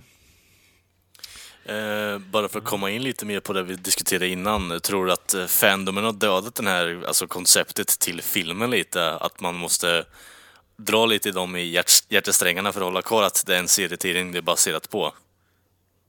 Det ska vara övertydligt. Ja. Alltså det, det är eftersom jag aldrig har läst en sida av den här grejen. Så är det svårt att säga hur den är. Nej, nej, Alltså- men alltså det är inte det jag menar Kent. Det jag menar på är att de, det låter som att de spelar väldigt mycket på fandomen kring den här serietidningen. Tror du att det hade blivit bättre om de hade skippat det och, och alltså, skrivit en mer seriös film kring det här konceptet att okej, han kommer gå i pension om 14 dagar, vi måste ha, ha koll på honom. Ja, ja, men det var ju precis det jag sa. Alltså hade de skippat den här serietidningsbiten och gjort en, ja men typ Equalizer eller John Wick eller den typen av film så hade det varit mycket bättre. Och jag ska säga, jag hade inte sett, jag hade inte läst någonting, jag hörde bara Mr. Avoya. hade, sa att han skulle se den till avsnitt så tänkte jag, vad fan då kan jag också se den. Och jag hade inte sett en trailer, jag hade inte läst någonting, jag hade bara sett eh, postern där på Netflix och eh, för de som ska se, fundera på att se filmen, se inte trailern. Alltså, jag har aldrig varit med om en trailer som spoilar så jäkla mycket och dessutom är så otroligt missvisande. För, för det är verkligen inte den filmen... I, I den filmen är det liksom som att eh, då är det liksom en equalizer-film, super badass, sprutar, kulsprutor och eh, folk dör hela tiden. Så, så är det verkligen inte utan det, det är väldigt långa stunder där det inte händer så mycket. Alltså... Så, av, Hur, hur är vad heter det, typ actionscener och sånt där? Är de, cool, är de coola eller är de bara... Ja, men det, det, inget så här utöver det vanliga. Det, det finns en scen i slutet som, som är ganska så här originell som vi inte har sett tidigare. Så, som är ganska badass. Men, men det, det är lite, alltså det är lite råare mord. Det, det är ingen sån här uh, hyfsat graphic men inte över gränsen. Alltså, Ja. men det är inte PG-13 att det är supersnällt utan det, är- det är ganska grovt våld eller ska jag säga. Nice. Och ni känner ju mig, det är ju ett plus. Så... Ja, ja. Men ehm, ja, ja det, alltså det är så synd att the big bad guy är en snubbe för Little Britain. Alltså, jag tror även om du aldrig någonsin har någon aning vem man är så funkar han inte för att han ska vara någon slags... Ja, jag vet inte hur jag ska beskriva det alltså. Han går i knall, han, han klär sig i färger som liksom sticker ut. Alltså filmen är typ grå och han är typ klädd i knallrött ungefär med gult hår som står rakt upp och liksom... Varför sitter jag och tänker Ja. på typ eh, That Yellow Bastard från eh, liksom Sin City? För, ja, just det. Ja, det, det, det, är en släng av sin, det är en släng av sin city också skulle jag säga. okej. Nice. Inte på ett bra sätt utan det dåliga från sin city. Alltså lite så här serietidningsaktigt. Ehm, Och sen eh, den som har klippt filmen, det var ju väldigt skum klippning i, i tiden. I, från time to time. Och jag kollar upp och det var den kära vän Doobie White. Ehm, känd som den som klippte den här eh, horribla Resident Evil-filmen, den senaste. Med liksom 20 klipp i sekunden. Alltså, Mm. han, han har, han har ingen aning vad fan han håller på med. Alltså, man, man mår ju bara illa när man ser scenerna och det är uppenbart att han har klippt de här äh, när figurer presenteras liksom kommer det upp så här font och så bara hör man så här uh, ljudeffekter när varje bokstav kommer upp och så är det klipp, klipp, klipp, klipp, klipp, klipp, klipp, klipp. Så... Alltså jag får ju nästan föraningen till att han har, äh, det finns en anledning till varför han heter Doobie. alltså, han, alltså jag ska räkna upp några filmer han har klippt. Resident Evil Final Chapter, Jonah Hex, det är mästerverket. ja. Eh. Gamer. Eh, som ingen kommer ihåg med eh, Gerard Butler. Och det. Ghost Rider Spirit of Vengeance. Det, det är då Oh, typ hans, mästerverk. hans starkaste grejer på CV alltså. Ja, det är ett gediget CV. Ja, det får man lov att säga. Alltså klippningen i Resident Evil Final Chapter, det är det värsta jag någonsin varit med om. Det är liksom, att det ens fick släppa som en film är helt sjukt alltså. Jag tror fan jag, för, jag tror fan jag har förträngt den filmen helt och hållet, men ja... eh, ja, Ja, whatever. Kan man, säga om, kan man säga om alla Resident Evil förutom möjligtvis den första. Jo, fast den Jag, senaste jag gillar i speciellt. princip alla utom den sista. Kan man säga. På, på något Ja. sätt. Nej, den andra, den andra är värdelös. Den, den är totalt värdelös. Ja. Men hur som helst, alltså ja, filmen, musiken är av Dead Mouse, eller hur man uttalar det. ja, just det. Alltså det funkar väl, den kör någon sån här... Uh, eh, Nine Inch Nails wannabe, vad heter han? Trent Reznor uh, wannabe-aktigt uh, soundtrack, industriellt liksom som... Ah, det, det, det funkar väl, det, det, det är inget man stör sig på. Men det, det är synd att filmer har så olika ton. Alltså, man har tjänat på att välja antingen eller och helst den allvarliga för att... Jag tycker Mats Mikkelsen, det är faktiskt en av de få filmer där man hör vad han säger utan att han har någon slags talproblem. alltså han har inte varit bra i, eng i engelska, framförallt i Hannibal. Jag vet inte om det var meningen att han skulle låta lite så här... Att han skulle ha svårt att förstå, men han hade inte läspning men någon slags... Det är väl hans, hans dialekt som gör det, är det inte det? Han Ja, bryter. da, danskan eller vad fan det är. Han, han kan inte prata rent i alla fall. Alltså, han gjorde någonting med orden som jag störde mig på. Och här- är det borta. Jag tror Rogue One kommer jag inte ihåg, men jag tror att det var lite bättre där. Men här är det helt borta, så det var ju uppskattat i alla fall. Jag älskar ju Mads Mikkelsen, ja, så jag är, jag är faktiskt taggad på att se Jag hann inte se den till den här, men jag, jag är faktiskt riktigt taggad på den här filmen. Jag tycker den ser badass ut. Och Mads Ja. Mikkelsen, jag älskar jag, Hannibal är en av mina favoritserier, alltså typ någonsin. Jag älskar den serien. så jag, jag är fan taggad faktiskt ändå. Alltså de scener när Mats Mikkelsen är med är bra och när det här gänget är med är uselt. Alltså man vill bara stänga av. Så i slutändan kan jag inte ge det mer än 6 av 10 ändå. Men, men jag tycker inte att den är så usel. Den har blivit totalsågad av kritiker och sådär. Och, och riktigt så dåligt tycker jag inte att den är. Även om jag tycker att de bitarna med skurken var ju... Jag vet inte riktigt vad de tänkte där men... eh, Det, det drog ner betyget rejält. Ja. Men, men det är som en blandning fått- med musikvideo, Suicide Squad, Ja. Sin City och eh, typ John Wick ungefär. Som du säger, den har ju fått varken svinlåg, den ligger så på typ 10 av 100 på Metacritic eller så här 15, alltså det är sinnessjukt låga betyg. Det är väl så här typ Mindhorn-klass. Liksom. Ja. Om man Ja, läser så, betygen. så, så dåligt tycker jag inte att den är ändå. Den går att säga liksom. Då är det ändå en Netflix-film som håller okej kvalitet, det är ju fan ovanligt alltså. Ja, snudd på. Alltså, är, är man på ett annat humör, hade jag varit på ett annat humör någon dag har jag kanske hatat det, men... ja, jag, jag tyckte om Mikkelsens delar så pass mycket att jag ändå skulle ge den helt okej. Måste jag kolla in serietidningen om den, eller graphic novel-serien, om den är bra. Det är intressant att se. Mm. Jag vet att den, jag har läst på lite om den serien, den släpptes ju först utan någon dialog, alltså typ, den släpptes som sån här webb-series typ. Och då hade den som ingen dialog, det var bara alltså visuellt. Sen gjorde de då om den och lade till dialog senare typ. Efter den hade blivit populär eller något sånt där. Ja. Jag är fan sugen, jag måste se den för jag är ändå sugen på att se den. Ja, den ser sämre ut än vad den är, men liksom Mats Mikkelsen med en iPatch och så vidare. Men sk- skit i postern, se inte trailern om du har tänkt se den, utan knäppa igång filmen så... Jag vet, eh, tyvärr så har jag redan sett trailern tror jag, men jag kommer, nu kommer jag inte ihåg så mycket. Jag kommer ihåg bara en scen i den han typ, ja, som du sa, det var mycket skjutande i trailern, det är det enda som jag Ja, kommer det är ihåg. typ slutscenen. Alltså det är sjukt att det är Ja. i trailern. Alltså. Men så det var då ganska mycket långsamma partier i filmen då, eller vad? Alltså som inte har någon action alls. Ja, men det skulle, det skulle jag ändå säga. I, inte så här jätte... Alltså det är inte så här Mandy-klass, men... eh, det, det är inte bara så här pang-pang, alltså som typ John Wick Nej. ungefär. Att han springer runt och det händer saker hela tiden. Utan han liksom hallar, pratar, han, träff, han träffar en tjej, det var Vanessa Hudgens. Ja, det ska jag säga. Jag tyckte om slutet. Alltså, början av filmen är mycket sämre än... Första halvan är mycket sämre än andra halvan tycker jag. Och jag, tyck, jag tyckte faktiskt om slutet. Jag tyckte att det var en... Det, slutet passar liksom inte filmen i övrigt men jag, jag tyckte ändå att det var lite... Det var mer intressant än vad jag hade förväntat mig faktiskt. Eh, Så Vanessa Hudgens är ju också inte bra i den här filmen. Fram tills absoluta slutet. Där jag tycker att det blev eh, intressant och man är inte störd på henne liksom. Det, är- det är dåligt skådespeleri i den här filmen överlag. Där, där. Alltså alla andra skådespelare är ju under all kritik i princip. men om man kan köpa det, för, för det är lite så här B-filmskänsla också. Jag tror att det är meningen men det här gänget, eh, hitskålen här är bedrövligt. Alltså, ja. Tyvärr.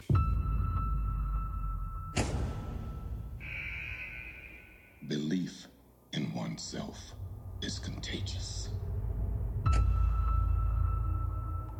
We are part of something larger. Ah, ja, glass.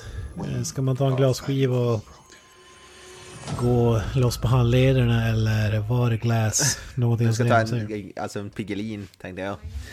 Glass. Alltså det är så sjukt hur mycket skämt det har kommit på nätet om det, alltså vad filmen heter Glass, alltså. Så jävla, var- varför bjuds det inte på glass på bion och så? Alltså, så, fan, mycket- så mycket skit alltså. Folk är så jävla dåliga när det kommer till sådana där grejer faktiskt. Det, Ja, det är så jävla... Det är ju inte Polarbredsklass på det skämtet alltså. Nej, det är så mycket jävla glassrelaterade skämt i den här filmen, alltså det är sinnessjukt. Nej men jag, eh, ja om det inte för mycket, jag har ju varit på bio i helgen sett Glass. Eh, tredje filmen i M. Night Shyamalanans eh, good one. trilogi. Eh, tredje filmen i hans trilogi för, började med Unbreakable, Split och sen nu Glass. Eh, och den, eh, alltså det är ju en uppföljare, det, det här är mer en uppföljare till, till dem än vad de andra, alltså Split kan man inte säga egentligen var en uppföljare till Unbreakable för den hade ju inte så, förutom i typ slutet där, en slutscen.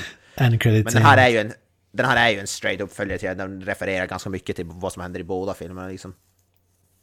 Eh, och Ja, den, den samlar ju ihop de här tre karaktärerna för de som inte vet den. Från första filmen Bruce Willis och Samuel L. Jacksons karaktärer. Bruce Willis som är typ odödlig, kan inte skadas. Och sen Samuel L. Jackson som är motsatsen, så han är så benskör och benskörhet och alltså bry, blåser på honom så bryter han typ fem revben liksom. Det är typ, och sen från andra filmen då James McAvoys eh, karaktär med 40 miljoner olika personligheter eller vad det är. Och de samlas då i en och samma film. Och det, det, det, det börjar lite med att, vad heter det, han har blivit någon lite vigilante, Bruce Willis, och han, le, han letar efter vad heter det, James McAvoys karaktär för att han tycker väl att han är så här farlig, danger to society typ. Eh, och de, de, han hittar ju då han och de börjar slåss, men sen blir de då tillfångatagna båda två och de blir, till, de blir förda till ett mentalsjukhus. Eh, där, vad heter det, eh, även då Samuel L. Jackson är inlåst. Och de, de, de, blir fångade av den här psykiatrikern, eller läkaren vad man ska kalla hon. Eh, spelad av Sarah Paulson som är känd från typ American Horror Story bland annat. Och hon, vill då som övertyga dem att, om de, de, att de är alltså, sjuka i huvudet, att de inte är det. Att de, det är bara vanföreställningar om att de är som de här superhjältarna. Och, eh, och det är då hennes grej att hon vill... För, eh, för annars måste de typ tillbringa sitt liv i mentalsjukhus om hon inte lyckas övertala dem att de, att de är superhjältar. Och det är det som är som grejen där. Och då hon, vet det, då har sina samtal med dem och försöker då, till exempel då Bruce Willis karaktär kan ta på någon och så vet det, kan han känna om de är typ onda eller goda och vad, vad det är. om, de, om, de, om de har, vet, alltså han, han stöter på, för, för han är typ i något så här industriområde och, stö, och då kommer James McAvoys karaktär när han är i sin så lilla pojke, vad heter det, personlighet och springer runt och då stöter han in i Bruce Willis och då kan Bruce Willis se att han har vad heter det, kidnappat några nå tjejer där och har honom inlåsta i något varuhus typ, typ så. Och då vet Men du, alltså, vill den ha lä- innan vi fortsätter, det var så länge sedan jag såg Unbreakable, men ha, hade Bruce Willis någon superkraft då, förutom att han var liksom o, indestructible, unbreakable så att säga? Eh, Det är, det det jag inte vet heller, den här om att han kan se som brott eller vad man säger när de stöter. Men jag, jag tror det, för jag, jag läste lite grann. Jag, den filmen har jag inte sett på typ... Alltså det var ju säkert 15 år sedan eller någonting, jag vet inte. Ja, samma. Eh, Men jag, jag läste på, jag tror han, jag tror han, eller om det, jag tror han har någonting sånt där. Men eh, huvudgrejen är ju att han inte kan bli skadad eller sjuk typ. Ja. Men som jag sa då, han, då vet du, kommer då James McAvoys karaktär som stöter in i han bara lite och då ser han då att han har då kidnappat en massa tjejer i ett varuhus. Men då vill då den här läkaren få det till att, äh, få det till att det inte är superkraft, han bara såg typ att han hade lite någon typ av rött damm på sina byxor och så sen kopplar han det och att det inte har någonting med superkraft att göra, det är en helt vanlig... Att han bara är jävligt smart och kvicktänkt men det är ingen superkraft då till exempel. Och eh, på samma sätt att James McAvoys karaktär, när han typ böjer gallret i andra filmen, säger hon att det var så, här, så gamla, gamla galler att bara en väldigt stark människa hade kunnat göra det, men det behövs inte superkrafter typ. Och att geväret han blev skjuten med var ett jättegammalt och fuktskadat gevär så, och sådana där grejer som försöker då och hon har, hon har då gjort så här research och kommit fram till de här grejerna och försöker då övertala dem om att de, det bara var väldigt så här, vad heter det, det var bara eh, coincidence, alltså det var sammanträffanden som gjorde att de tror själva att de är superhjältar då. Och det, det är det jag tycker är inte intressant med den här, för man får det som att tveka själv, liksom, är de verkligen det eller är det bara de här sammanträffandena? Och det tyckte jag var det mest intressanta med den här, att man- de ställer lite så på, vänder lite upp och ner på det. Och gör lite en så här grundad story, så vad heter det, är de bara lite crazy eller är de, är de faktiskt? Och jag vill inte spoila vad som händer sen i slutet, men det, man får ju en typ av reveal och det händer, alltså det blir ju en sån här showdown i slutet också, det är ju, det, det, det är ju lite så här fight, fighting. Men det är, det är en väldigt grundad superhjältefilm på så sätt, det är inte mycket det är ju verkligen inte Marvel att de flyger genom byggnader och sånt där, även om det är en del så fight-scener. Men de är ju lite mer realistiska och det är lite mer bara hand, vanligt handgemäng, kan man säga.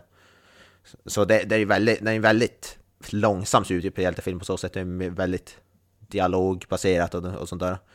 Eh, uh, jag, jag tyckte den var bra, jag, jag, gillade, jag gillade ju Split som fan. Gillar man inte Split och Unbreakable, alltså Unbreakable kommer jag inte ihåg om jag gillar i och för sig, men Split gillade jag som fan. Gillar man inte Split, då kommer man nog inte gilla den här tror jag, för det är verkligen... Det är James McAvoys karaktär som får mest utrymme skulle jag väl ändå vilja säga. Mm. Det är ganska starkt fokuserat på han faktiskt, och hans personligheter. Och gillar man inte Split, då kommer man nog inte gilla den här filmen speciellt mycket tror jag. Men jag gillade ju Split och jag tycker James McAvoy var jävligt bra i den och han fortsatt bra i den här. Jag tycker han, han är verkligen briljant tycker jag. Och det, det, det är han som stjäl showen mest. Alltså, visst, Bruce Willis och Samuel Jackson är bra, men Bruce Willis pratar ju knappt i filmen liksom, och samma med Samuel Jackson liksom. Samuel Jackson sitter i, alltså jag tror inte han säger ett ord i filmen förrän typ en timme, över en timme in eller något sånt, han, han sitter och typ såhär, eh, ja alltså vad, jag vet inte vad man ska säga, katat katatoniskt typ i en rullstol bara, och typ dreglar. Sitter han i typ stor, stor del av filmen innan han säger ett ord, innan, innan han säger ett ord liksom. Så där kan jag väl inte säga, heller säga att det är jättestor spela, stor, alltså bra skådespeleri. Även om han är bra senare i filmen. Släpper han en Men, eh, motherfucker någon gång under filmen, Jocke? Mm, jag tror fan inte det. Han är ganska sparsmakad med svordomar ändå i den här. Does he look like a bitch? Ja, precis. Men det, så det är, det är lite grann James McAvoy som får strålkastarljuset kan man ju lugnt säga.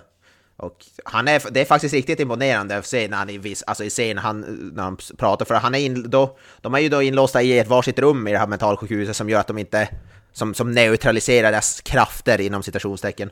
Eh, Bruce Willis karaktär ska då vara svag mot vatten, så han har en massa så slangar och grejer installerat i hans rum, så om, om han skulle försöka rymma så sprutar de in vatten så att han liksom ja, så att han inte kan röra på sig och James McAvoys karaktär eh, Hans, han, eh, hans vet du, personlighet ändras om han blir utsatt för starkt ljus och de har massa strålkastare då vid dörren där, så om han blir aggressiv så slås de på. Och så ändras, så, så vet du, byts hans personlighet till en av de andra.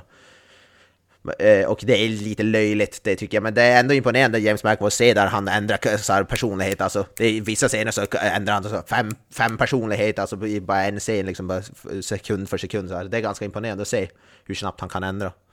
Eh, jag tycker, rent skådespelarmässigt tycker jag han gör det starkaste jobbet definitivt.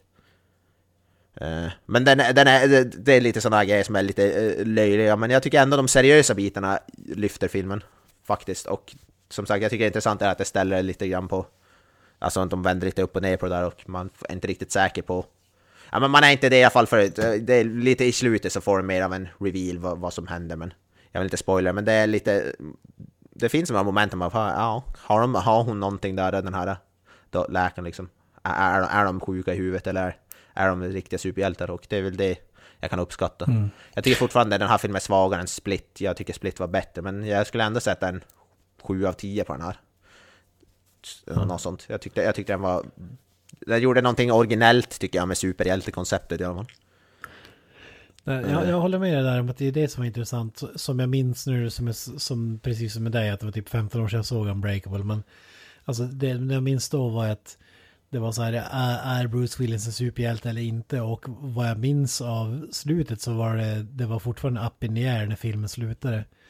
Men, men det, det måste ju vara kastat ut i fönstret efter Split. Där var det väl ingen tvekan om att vad det handlar om för, det, för den McAvoys karaktär i alla fall. Spoiler ja, men det är det också, de, hon, hon ställer ju fram en massa bevis på varför den här, han har ju en personlighet som är typ en monster och sånt där, men då ställer hon fram en massa bevis på varför det bara är typ en en människa men jävligt stark. Alltså, han, hon börjar säga, säga någonting om att det finns, eh, han kan ju klättra på väggar men då börjar han säga ja, att på, han, på, hans dator fanns det så videos om rock climbers så att det finns riktiga rock climbers som har lärt sig att klättra på väggar på det sättet och sådär. Och då ställer hon ju fram för att de försöker fucka med deras huvuden och så försöka få dem att tveka, tveka på sig själva. Och som sagt, det finns ju massa, hon säger en massa grejer där om att, att han böjer gallen, men hon lyckades böja gallen bara med en skiftnyckel, så är man riktigt stark så kan man göra det. Och att geväret han blev skjuten med i split, det var gammalt och fuktskadat och det var därför han lyckades som överleva det och så vidare och så vidare. Så Man skulle vilja säga den liksom rockclimbing-gruppen som liksom skjuter ut klor och klättrar i tak och grejer. Alltså, Ja, det, det, det är lite löjligt, för man ser ju han i den här filmen klättra på verkligen hu- 100% alltså släta väggar liksom. Det tror jag inte någon, det, det tror jag inte riktigt. Men det, är, alltså som sagt, det är, man, det är inte mer, det är inte så mycket, det är mer för att de, som för att för jag vet, jag vet inte ens om hon själv är, alltså, det jag vill inte eh, spoila, men om hon själv är övertygad eller inte, eller om hon bara vill få dem att tro det. Men hon, hon, hon försöker ju fucka med deras hjärna och det är det liksom är grejen, och få dem att tveka på sig själv. Och det, de, hon lyckas väl till viss del, för det är ju en massa momentum när de till Bruce Willis karaktär till exempel, och så bara säger bara maybe we are crazy, sån, typ sån grej liksom. ja. Ja, jag vet inte, ska vi dra Samuel L. Jackson i säcken? Vi drar den här katatoniska människan i säcken tycker jag absolut. Eh, Men, ja, gott folk, tack för att ni har lyssnat på ännu ett avsnitt av Creative Meltdown Podcast. Eh, finner oss på sociala medier som Facebook, Twitter, Instagram och eh, Youtube. Finns även på Spotify för er on the go.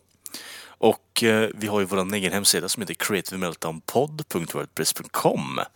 Läggs upp lite checka referenser och recensioner. Glömmer alltid bort ordet där, men eh, vi försökte rädda det där till vänster i alla fall.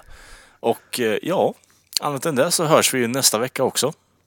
Eh, avslutande ord här grabbar. Eh, up the irons. Jag vill bara säga att jag tycker det är intressant, det blir alltid referenser först och sen blir det så här, nej jag menar recensioner. Ja, så är det. Äh, men eh, peace out säger jag. Eh, och jag säger bye bye. That's it, man. Game over, man.